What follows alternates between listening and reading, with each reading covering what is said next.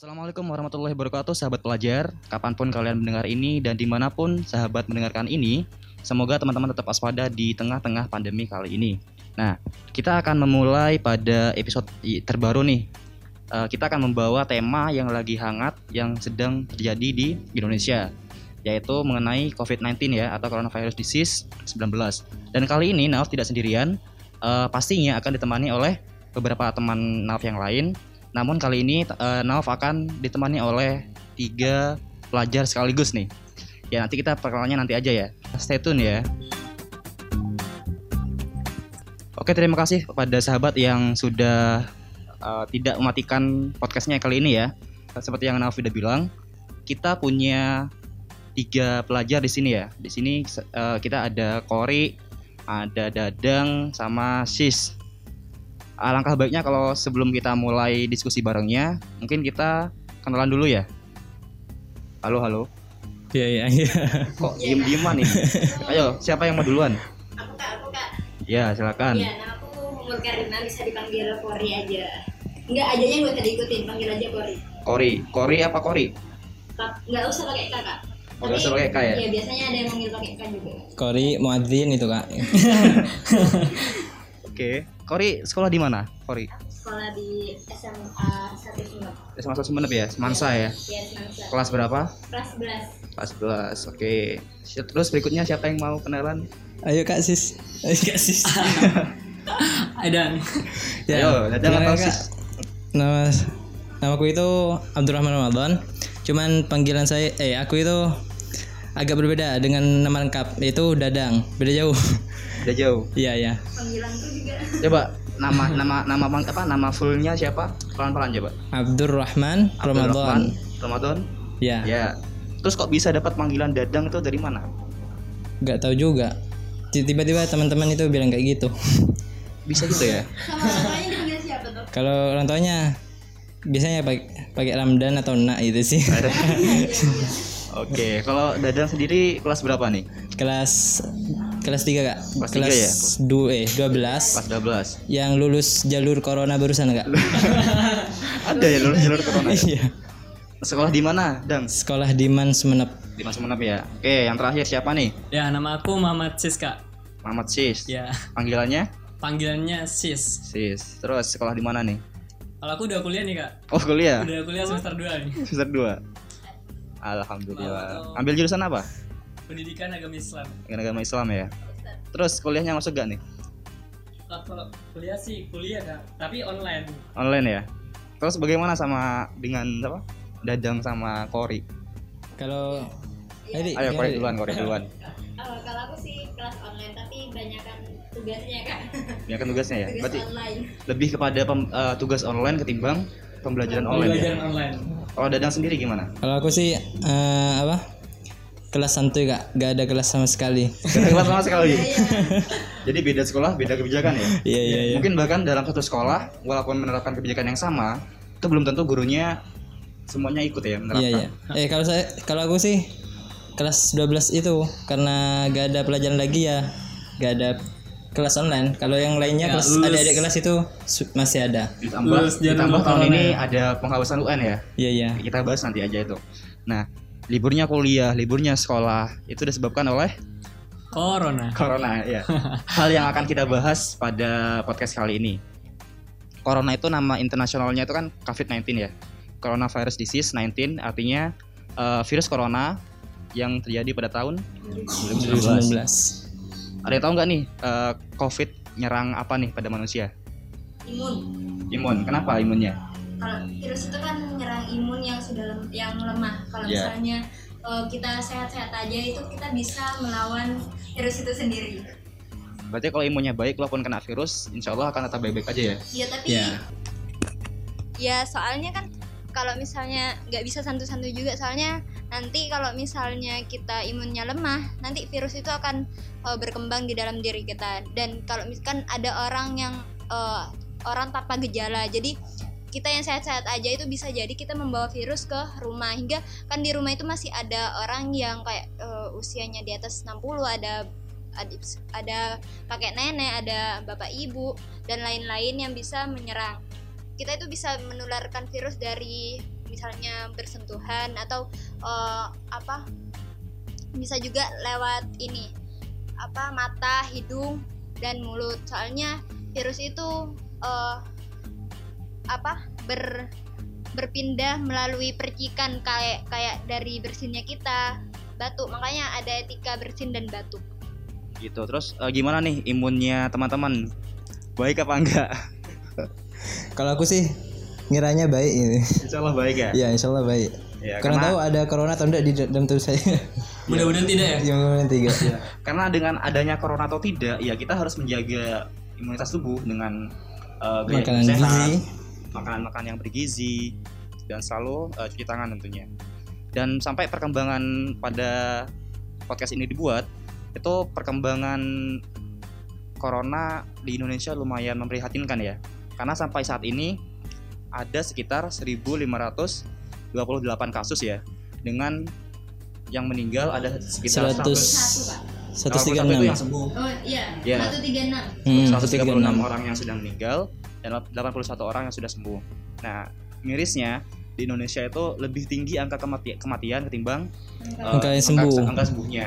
Kita nggak bisa menyalahkan siapa-siapa. Kita nggak bisa menyalahkan eh, pemerintah. Kita tidak bisa sepenuhnya menyalahkan tenaga medis karena memang eh, pandemi ini lumayan apa ya menakutkan dan benar-benar bisa kalau tidak ditangani dengan baik itu bisa memus- memusnahkan umat manusia.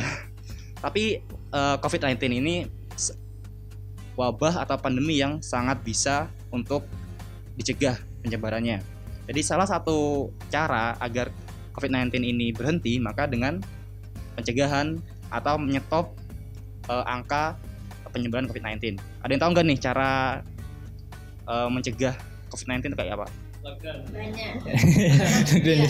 Ada ada sekarang dulu eh dulu itu namanya social distancing tapi sekarang jadi physical distancing. Soalnya yang harus dijaga itu adalah fis- eh, fisiknya bukan sosialnya. Ya dan juga ada ini eh, lockdown sama lockdown lockdown itu antar apa Langsung- kolaborasi antara eh, apa menjaga kebersihan menjaga kebersihan rumah atau hidup sehat dan dan ini sendiri apa yang tadi itu? So- phys- Physical distancing. distan- Ya, physical distancing.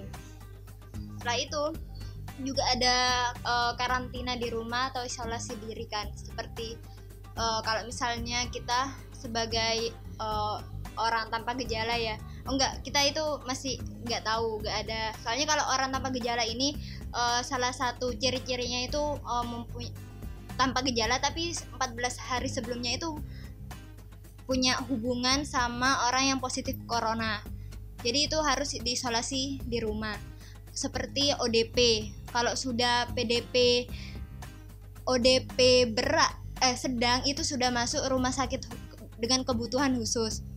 Itu yang membiayai juga pemerintah dan kalau misalnya yang masuk rumah sakit itu sendiri adalah yang sudah positif corona.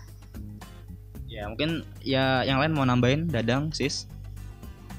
Eh, buat teman-teman di yang mendengarkan ini jadi kalau nggak terlalu penting untuk keluar jadi tetap aja di rumah.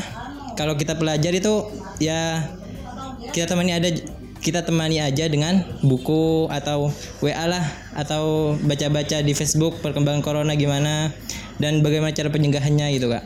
Ya itu sih. Tapi Kak, kalau misalnya nih eh kalau kita orangnya gampang panik, itu jangan terlalu mengakses informasi-informasi segala informasi. Soalnya kepanikan itu bisa membuat kita jadi stres dan bisa menyebabkan kita sakit juga, Kak. iya iya imun kita jadi turun ya Heeh. kalau kita bahagia malah Ah, bisa iya. meningkatkan imun kita ya Hiduplah dengan bahagia tiap hari dengan tugas-tugas online-nya ya. Iya, itu Iya. juga bisa jadi bikin enggak enggak. Iya. Eh, secara kasat mata atau secara jelas COVID-19 ini atau atau virus corona itu menyerang kesehatan manusia. Tapi secara tidak langsung eh, pandemi ini itu bisa mempengaruhi banyak hal. Dampaknya itu ke berbagai, berbagai aspek se- seperti ekonomi, eh, apalagi pendidikan, sosial dan budaya ya. Dan kita akan fokus pada podcast kali ini untuk membahas dampak COVID sendiri terhadap pa- terhadap kehidupan pelajar. eh, dengan adanya pembatasan wilayah dan pembatasan sosial berskala besar, eh, banyak sekali tempat kerja dan sekolah-sekolah bahkan kampus yang tutup tutup ya. libur nggak libur nggak libur belajar di juga. maksudnya Iya. libur di di kampusnya belajar di rumah kita nggak ke kampus pada akhirnya kita setiap hari akrab dengan pembelajaran online. Atau mungkin banyak dosen atau guru yang masih menggunakan eh, apa tugas online ya ketimbang pe- pembelajaran online. Oh kalau Kore sendiri dari aplikasi ya? Eh, ada dua macam sih. Lewat WA group sama Canvas. Sama Canvas ya? Iya. kalau Dadang gak ada kak. Oh udah kelas 3 ya? Iya gak kalau si sendiri kuliahnya gimana? Pakai apa aja? Lewat grup kak. Ya. lewat grup? Ya, jadi kadang presentasi itu moderatornya menggunakan voice note, tapi presentator itu eh, menggunakan video. Nah, video jadi ya? seperti ah, seperti membuat video, video materi yang akan disampaikan. oh iya kak. Sebenarnya ada sih kelas online saya yaitu di WA group. Cuman satu pelajaran tapi itu satu pelajaran ya? Iya. Kalau pelajaran yang lain gimana nggak ada sih Oh enggak ada. Oke, ya itu saya beri eh, baca beritanya Mas Nadim beberapa waktu lalu memang Indonesia itu bisa dibilang belum cukup siap untuk pembelajaran daring karena salah satu faktornya adalah ke- kemampuan para gurunya ya. Saya tidak mau eh, apa namanya memandang negatif seorang guru tapi memang tidak semua guru itu milenial. Ada guru-guru yang sudah eh, ya sudah berusia sepuh dan mereka tidak akrab dengan pembelajaran daring. Akhirnya mereka memilih untuk tidak melakukan sama sekali. Atau- ataupun memang ada yang beberapa yang ber- masih berusaha ya. Dan minimal disampaikan melalui pesan grup atau eh, yang kita kenal saat ini adalah banyak banget media atau aplikasi yang bisa digunakan dalam pembelajaran online. Bisa Google Classroom atau kalau mau video conference bisa pakai Zoom. Ada yang pernah pakai Zoom? Nah terus ada yang kayak walkie talkie pakai Zelo pernah pakai Zelo Iya, kalau LMS atau Learning Management System itu kita bisa biasanya pakai psikologi, pakai Edmodo. Eh, sis pakai Edmodo ya? Ya sebenarnya pernah pakai Edmodo tapi cuma satu kali karena eh, kurang efektif di situ. Lebih lebih efektif menggunakan grup WA gitu. Kak. Kayaknya kalau pakai LMS kayak Edmodo atau psikologi kayaknya lebih kepada penugasan kayaknya ya. Iya, Bukan penugasan. pembelajaran. Mungkin cuman share artikel, video, habis itu silahkan kerjakan apa gitu. Iya kak, langsung dis- baru buka pertanyaan, diskusi gitu di situ. Ya.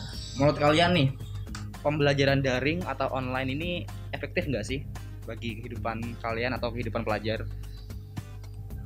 Ya terserah siapa yang mau jawab, mau Kori duluan. mau- Ya kalau aku pribadi kak sebenarnya kurang efektif karena apa? Eh, dalam video itu selain kita juga kurang mengerti kan eh, penanya itu dalam grup dibatasi hanya beberapa orang. Nah jadi nanti juga dosen yang menerangkan tidak akan membuka pertanyaan lagi untuk mahasiswa yang sekiranya kurang mengerti gitu. Jadi langsung dosen me- sedikit menjelaskan, ya habis itu sudah waktunya selesai gitu. Oke. Ya. Kalau Dadang dengan Kalau pelajaran aku biologinya sih- gimana? Kalau biologi kan, eh saya biologi ya. Iya. Jadi kelas online saya itu hanya biologi. Menurut pengalaman saya itu kalau kelas online-nya itu saya hanya mengajarkan waktu itu hanya mengajarkan soal. Nanti kita koreksi bersama gitu, cuma bahas bersama. Kalau saya lihat dari teman-teman sendiri, kalau di adik kelas saya itu jadi kalau pelajaran eksak, eksak, eksak itu ip- apa fisika, kimia dan lain-lain matematika. Kalau semuanya mengerjakan tentang pembelajaran itu dan tidak mengerti terus dijelaskan dengan face note itu akan tidak kayaknya kurang efektif karena gitu ya? Nggak bisa mengebayangkan gitu. Kalau ngebayangkan di papan kalau di secara langsung kan di papan bisa kan. Jadi ataupun video ya, tapi jarang menggunakan video kan. Ya kecuali pakai Zoom itu. Tapi itu cukup menguras sih kayaknya. Iya, cukup menguras kota Pak rupanya. Gimana kalau ya sis? Ya sebenarnya banyak sih kendalanya juga selain eh, kadang juga faktor jaringan kota yang terbatas gitu kak. Kan juga apa ya mempersulit kita untuk kuliah online gitu kak. Iya. Apalagi di daerah pelosok gitu. Iya. Pelosok jaringannya edge gitu ya, satu sinyal itu. Kalau Kori gimana Kori? Kalau aku pribadi itu eh kan lewat WA grup ya. Jadi di situ lebih ke penugasan jarang ini apa ada video pembelajaran dan lain-lain. cuma sebelum sebelum dikasih tugas itu ada materinya di atasnya misalnya disuruh baca halaman sekian dan sekian nanti baru dikasih tugas Hmm. Kalau ngerti ya enak ya. ya alhamdulillah Berarti ini tiap hari itu dikasih tugas terus ya? ada yang enggak Ada yang enggak, ada yang iya. Ya Iya. tergantung kebijakan dosen atau guru masing-masing sih. Kalau yang saya tangkap dari teman-teman sekalian, condong ke arah kurang efektif ya. Terus teman-teman ada ide nggak atau saran gimana caranya agar pembelajaran daring ini lebih efektif lagi? Karena walaupun kita menginginkan tatap muka ya itu yang terbaik dalam menuntut ilmu, tapi dengan pandemi kali ini tidak memungkinkan sama sekali. Kira-kira agar efektif tuh gimana enaknya? Apa ya? kalau menurutku ya itu kalau biar sebenarnya nggak ada yang lebih efektif daripada tatap muka cuma Ya. kita uh, biar bisa. menambah menambah minat belajar itu kita bisa em, apa menggunakan fasilitas dari pemerintah yaitu kuota gratis 30 GB dengan mengakses ruang guru eh, Zen Zenius dan juga Kuiper Ya, tapi sayangnya eh, akses, akses pembelajaran itu untuk pembelajaran mandiri deh. Karena karena setiap guru kan pasti memiliki ap- apa aplikasi ataupun media masing-masing, favoritnya masing-masing dan itu belum tentu hal yang digratiskan oleh eh, beberapa provider yang sudah ngasih ya. Jauh ini ada berapa sih? Ada dua ya. Ya, Indosat sama Telkomsel. Jadi jadi nyemuk merek nih. Padahal nggak dibayar. eh, smartphone kayaknya ada kak. Oh ada juga. Ya, cuman dibatasi satu giga per per apa? per hari. harinya. Tapi itu bisa akses apa aja atau sama kayak Yang guru saja sih. ya itu kan untuk pembelajaran. Gimana kalau misalnya guru atau dosen minta ayo kita belajar di Zoom dengan Oh, iya. mas- dengan siswa atau mahasiswa 20 aplikasi gitu iya Iya. nggak bisa diakses kan Cuma- harus pakai kota pakai kota reguler Iya, kemarin itu kan eh, ngajinya saya pun ngajinya aku itu pun ngas apa online juga tuh kak. Jadi ngirim voice note saya aku mencoba buat ngasih usulan pakai aplikasi itu. Maksudnya biar langsung kayak tatap muka gitu kan ya kak. Tapi eh, katanya beliau itu ya soalnya dari handphone terbatas penyimpanannya itu kecil dan mungkin kuotanya juga zoom itu lumayan soalnya. Oke. Jadi sejauh ini yang menjadi, yang menjadi kendala itu pertama gadget yang dimiliki, kuat apa enggak. Yang kedua kualitas jaringan ya, karena nggak semuanya itu di kota. Yang ketiga itu paketannya itu, ruang penyimpanan juga kak ya ruang penyimpanan ya. Alat Jadi pembayarannya termasuk kak. gadget sih, termasuk gadget. Apalagi ditambah eh, pandemi ini juga berdampak kepada ekonomi. Nah, bagi mereka yang kelas menengah ke bawah itu yang upahnya harian, akhirnya pendapatan mereka menurun. Belum tentu setiap hari atau setiap anak-anaknya butuh itu mampu untuk membelikan makan ataupun kebutuhan seperti paket internet untuk eh, dijadikan pembelajaran online. Eh, terus sebenarnya kalian pengen apa sih dengan adanya pandemi ini? Apakah dengan pembelajaran daring udah cukup atau pengennya gak usah aja sekalian libur atau pengennya wes Bismillah tawakal berangkat aja ke sekolah atau ke kampus atau gimana? Sebenarnya kalian pengen apa nih dengan pandemi kali ini? Apa yang eh, teman-teman inginkan? Kalau aku sih saran untuk teman-teman ya. Jadi mungkin kalau teman-teman punya buku atau apa itu mungkin itu langsung dibaca aja sebagai pengisi waktu kita. Yang kedua, jika tidak punya ya cobalah cari referensi di internet atau minta ke teman-teman kayak PDF itu kan banyak itu ya. Jadi baca buku itu nggak harus secara buku secara langsung tapi bisa secara PDF. Gitu. Oh iya kak, btw masalah yang PDF itu kemarin kan rame ya di WA. Ya itu ternyata ada yang ilegal. Oh iya. Iya soalnya banyak kan sampai di share share itu. Ya, Ya, jadi itu pakai ilegal. yang legal aja. ya. Ada ada apa yang ilegal bisa download aplikasi i iPunas apa ya perpustakaan nasional oh, itu. Ipusnas ya, ya, ya. ya itu. Jadi kalau di Semenap itu juga ada kak I, I Sumenap itu aplikasi perpustakaan untuk di Semenap. Jadi teman-teman yang punya yang ada di Semenap itu bisa diakses juga. Kalau yang nasional itu ada Ipusnas. Jadi saya sempat sih Iya aku juga pernah itu. pakai. Bisa pakai Wattpad, teman-teman pakai webtoon juga bisa yang mungkin eh, ya masih itu belajar juga secara paket juga ya tapi ya. Iya tapi webtoon itu masih bisa disimpan loh bisa off. Iya nah nggak bisa Tapi kalau punya paketan ketimbang nonton webtoon mending disiapkan buat pembelajaran online aja. iya sih. Iya. Karena kalau kita udah gak, gak apa gak mampu buat membeli paketan lebih untuk pembelajaran online, maka mau gak mau kita harus merelakan iya kebiasaan kita untuk nonton Instagram, Kurangi, YouTube, kurangi. ya itu dikurangi, alihkan ke eh, pembelajaran online. kalau nggak perlu matikan data aja Matikan data ya.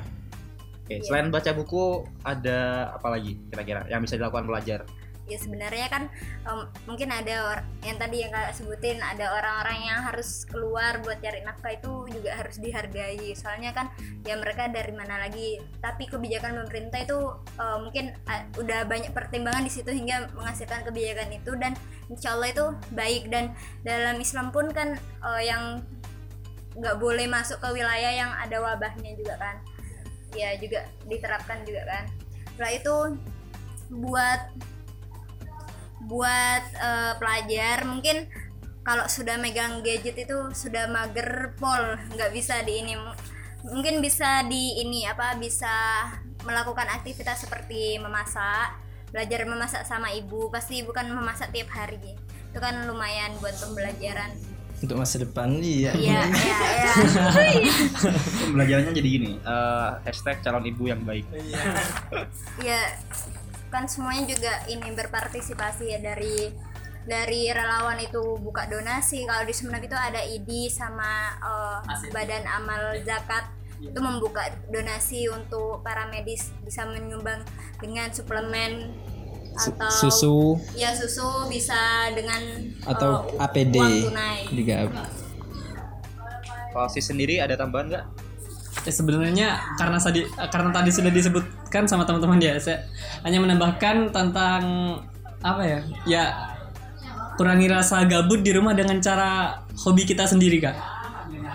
Dengan, dengan hobi masing-masing ya. Iya, Iya kan bisa kita berkarya di rumah misalnya, misalkan kita lagi gabut nih ya.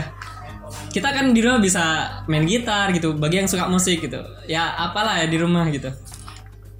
Oh iya kak, kan dia kalau remaja ini butuh ini ya, eh, butuh wadah buat menyalurkan bakat dan lain-lainnya, apalagi di tengah-tengah pandemi ini.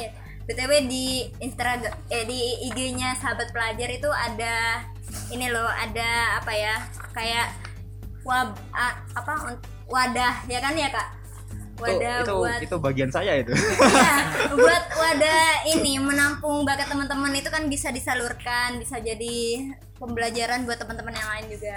ya teman-teman eh, yang mendengarkan podcast kali ini jangan lupa untuk follow Instagram kita yaitu sahabat underscore pelajar Eh, dan kita punya gerakan baru nih di tengah-tengah pandemi kali ini yaitu hashtag pelajar berbagi. Nah teman-teman yang yang memiliki keahlian atau apa ya pengalaman-pengalaman itu bisa di share di situ dan teman-teman eh, yang lain yang mungkin masih kurang kurang memiliki keahlian ataupun kurang memiliki pengalaman itu bisa join aja karena kita belajar itu kan nggak cuma dari sekolah.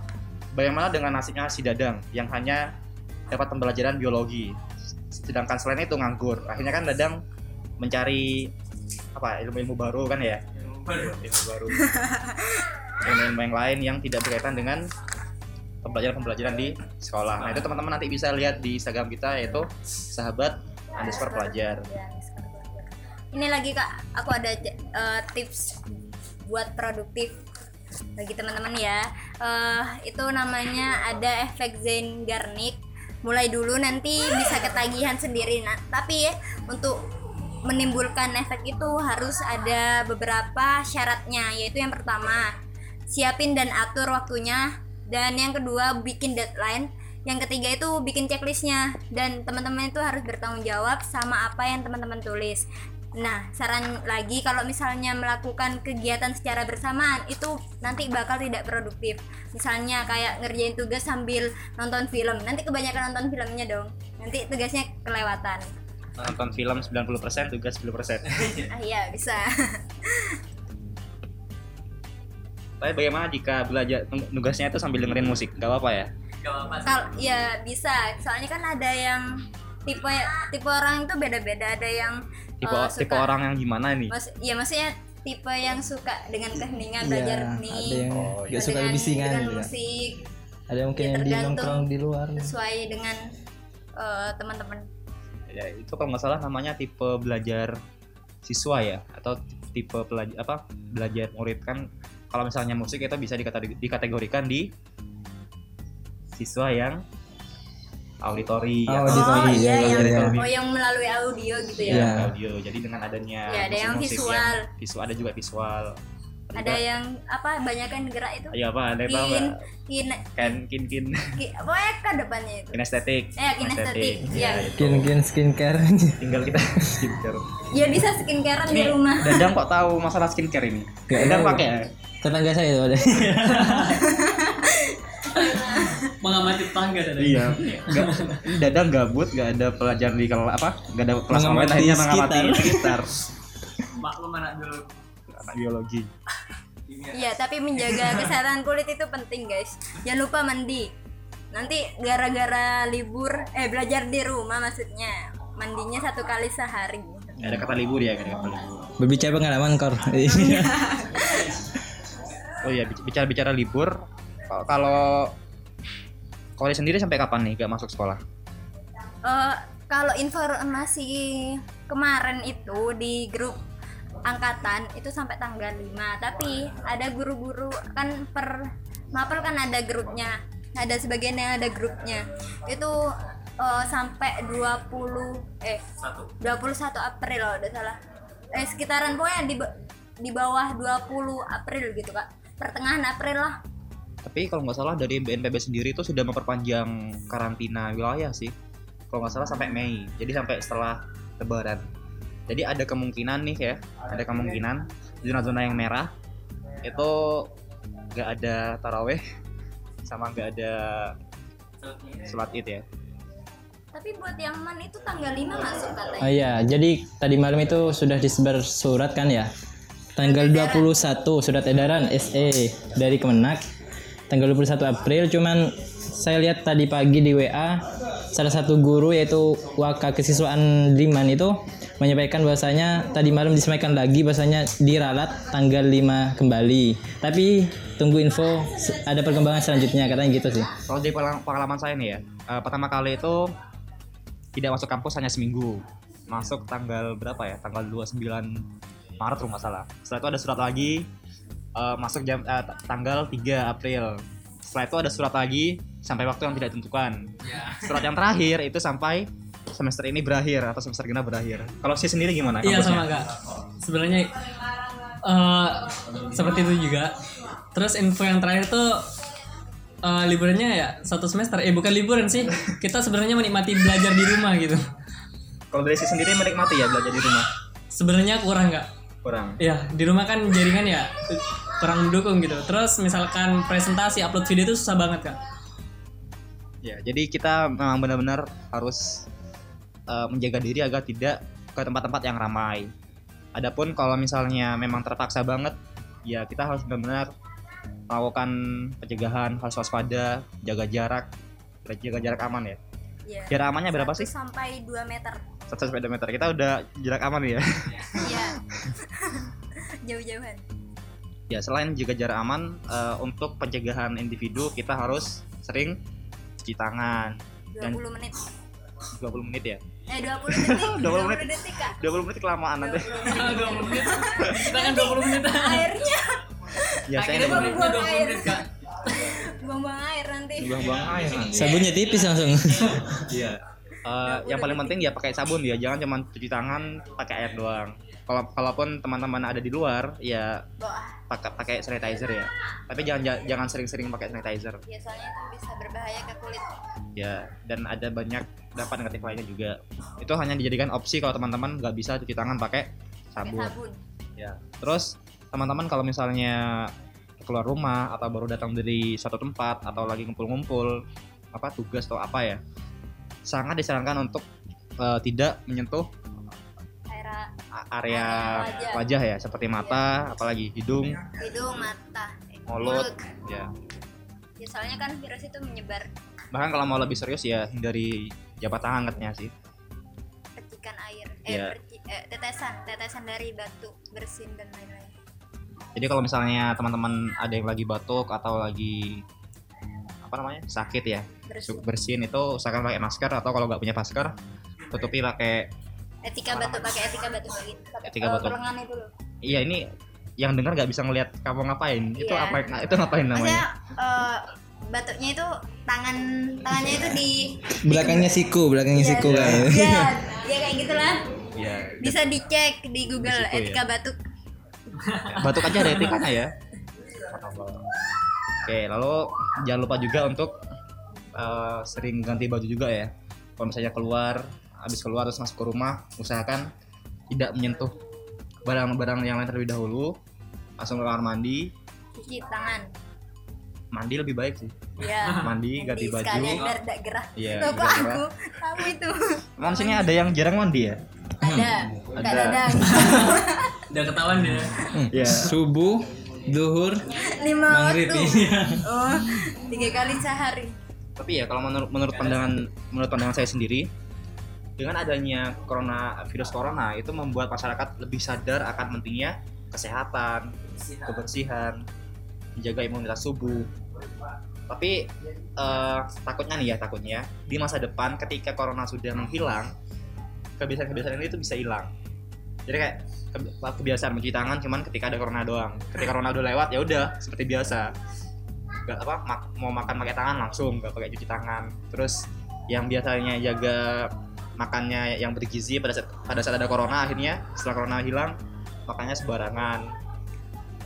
Terus gak ganti baju selama berminggu-minggu mungkin. Greget. Nah itu. Harusnya harusnya sih eh, harapannya adalah ke depannya setelah pandemi COVID-19 ini selesai budaya-budaya yang masyarakat sekarang mulai digalakkan kembali seperti cuci tangan, jaga kebersihan, apalagi? Berjemur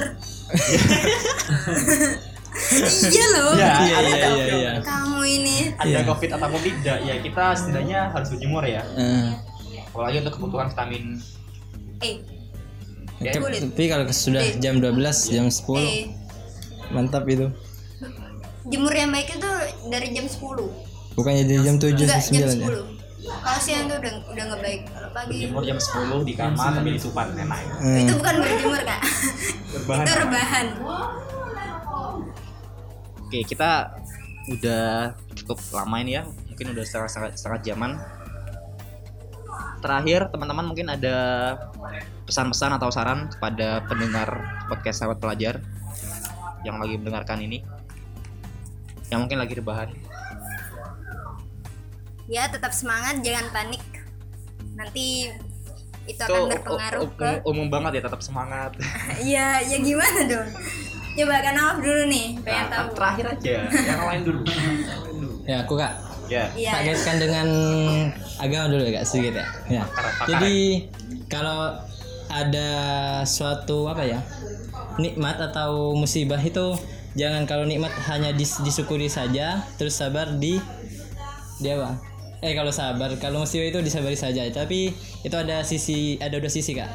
Nah kalau di dunia ini ke- ada nikmat muqayyadah namanya. Jadi nikmat yang hanya yang tidak mutlak. Nah, salah satunya ini adalah virus corona. Virus corona ini bisa dikatakan musibah bisa dikatakan dengan nikmat. Nah, itu harus dikaitkan dengan dua sisi, Kak. Ya, yang pertama kita harus syukuri karena kita sudah yang seperti yang bilang itu ya. apa? Kita terbiasa dengan hidup bersih nanti. Nah, yang kedua musibah juga. Jadi orang-orang yang mau ke masjid, orang-orang yang mau belajar ke sekolah itu jadi tertunda. Jadi untuk teman-teman mungkin karena salah satu cara efektifnya agak keluar ya harus gak keluar sih. Dan saran untuk teman-teman sih kan ada cuci tangan sekaligus ya. Jadi cobalah jaga wudhu gitu biar nanti juga pahalanya juga dapat gitu dan apa? Numpang promo nggak? Jadi untuk teman-teman teman semua jadi kita sudah mengadakan kayak satu grup telegram itu Kilmansas. Jadi teman-teman bisa nanya-nanya tentang pelajaran salah satunya fisika kimia agama dan apa satunya yaitu itu bisa teman-teman ikuti dan sudah di share ke grup wali universitasnya masing-masing. Itu sih Ya kalau menurut saya ya tetap jaga kesehatan eh, tetap waspada, jangan panik itu aja. Jangan panik ya. Eh, saya terakhir nih. Apa kak? Tadi belum. Loh, Oh belum. Oh iya iya. Masya Allah. Iya sorry sorry sorry. Silakan silakan. Subhanallah ya seharusnya ya. Ya mau ngutip dari perkataan Ibnu Sina bahwa kalau panik itu separuh dari penyakit dan ketenangan jiwa itu separuh dari obat dan sabar itu permulaan dari kesembuhan. Jadi teman-teman harus tetap istiqomah. Soalnya kalau bisa ini bis, eh, jadikan sebagai budaya yang baik bagi teman-teman. Ja- jangan ditinggalkan setelah virus corona hilang. Oke. Sudah? Sudah. Ada lagi? Oke. Oke. Saya mau nambahkan nih. Pertama. Pertama. Ini banyak nih pasti. Enggak. Cuma Pertama, dua. dua. ada kedua, ada ketiga. Udah sampai dua aja. Pertama, dengan adanya COVID-19, kita bisa melihat perilaku masyarakat yang yang jelas banget yaitu sikap ngeyelnya. Ya, sikap ngeyel di mana udah dibilangin harus ini itu akhirnya mereka tetap ngeyel dengan mereka tetap ngeyel dengan eh, perilaku mereka sendiri. Tawakal tawakal yang mereka terapkan itu terlalu sempit. Tawakal tidak sesempit pasrah lalu apa ya lalu sok berani. Tapi tawakal juga harus eh, dilakukan ikhtiar juga. Ikhtiar harus ada dalam tawakal. Jadi teman-teman eh, harus menghargai ilmu pengetahuan. Teman-teman harus menghargai para ulama. Dan teman-teman juga harus menghargai eh, para ilmuwan dan yang terakhir eh, semoga teman-teman semua yang mendengarkan podcast ini selalu dalam lindungan Allah Subhanahu wa taala. Amin. Amin ya Allah amin. Dan jadikan momen ini agar teman-teman bisa beribadah lebih banyak lagi, punya waktu lebih banyak untuk baca Al-Qur'an, punya waktu lebih banyak untuk melaksanakan sunnah-sunnah Rasulullah seperti puasa, apa lagi dong? Sedekah. sedekah. Ya. Sedekah itu. Ya mohon maaf ya pendengar ya. Ada beberapa gangguan. Sedekah terutama donasi terhadap para tenaga medis yang ada di garda depan melindungi kita dari virus corona ini. Eh, kami rasa cukup sampai sekian. Jangan lupa ya eh, follow instagram kita sahabat underscore Underscore Pelajar. pelajar. Dan ikuti gerakannya, oke? Ya dan ikuti belajar hashtag pelajar berbagi dan hashtag di rumah Aja. aja. Terima kasih. Wassalamualaikum warahmatullahi wabarakatuh.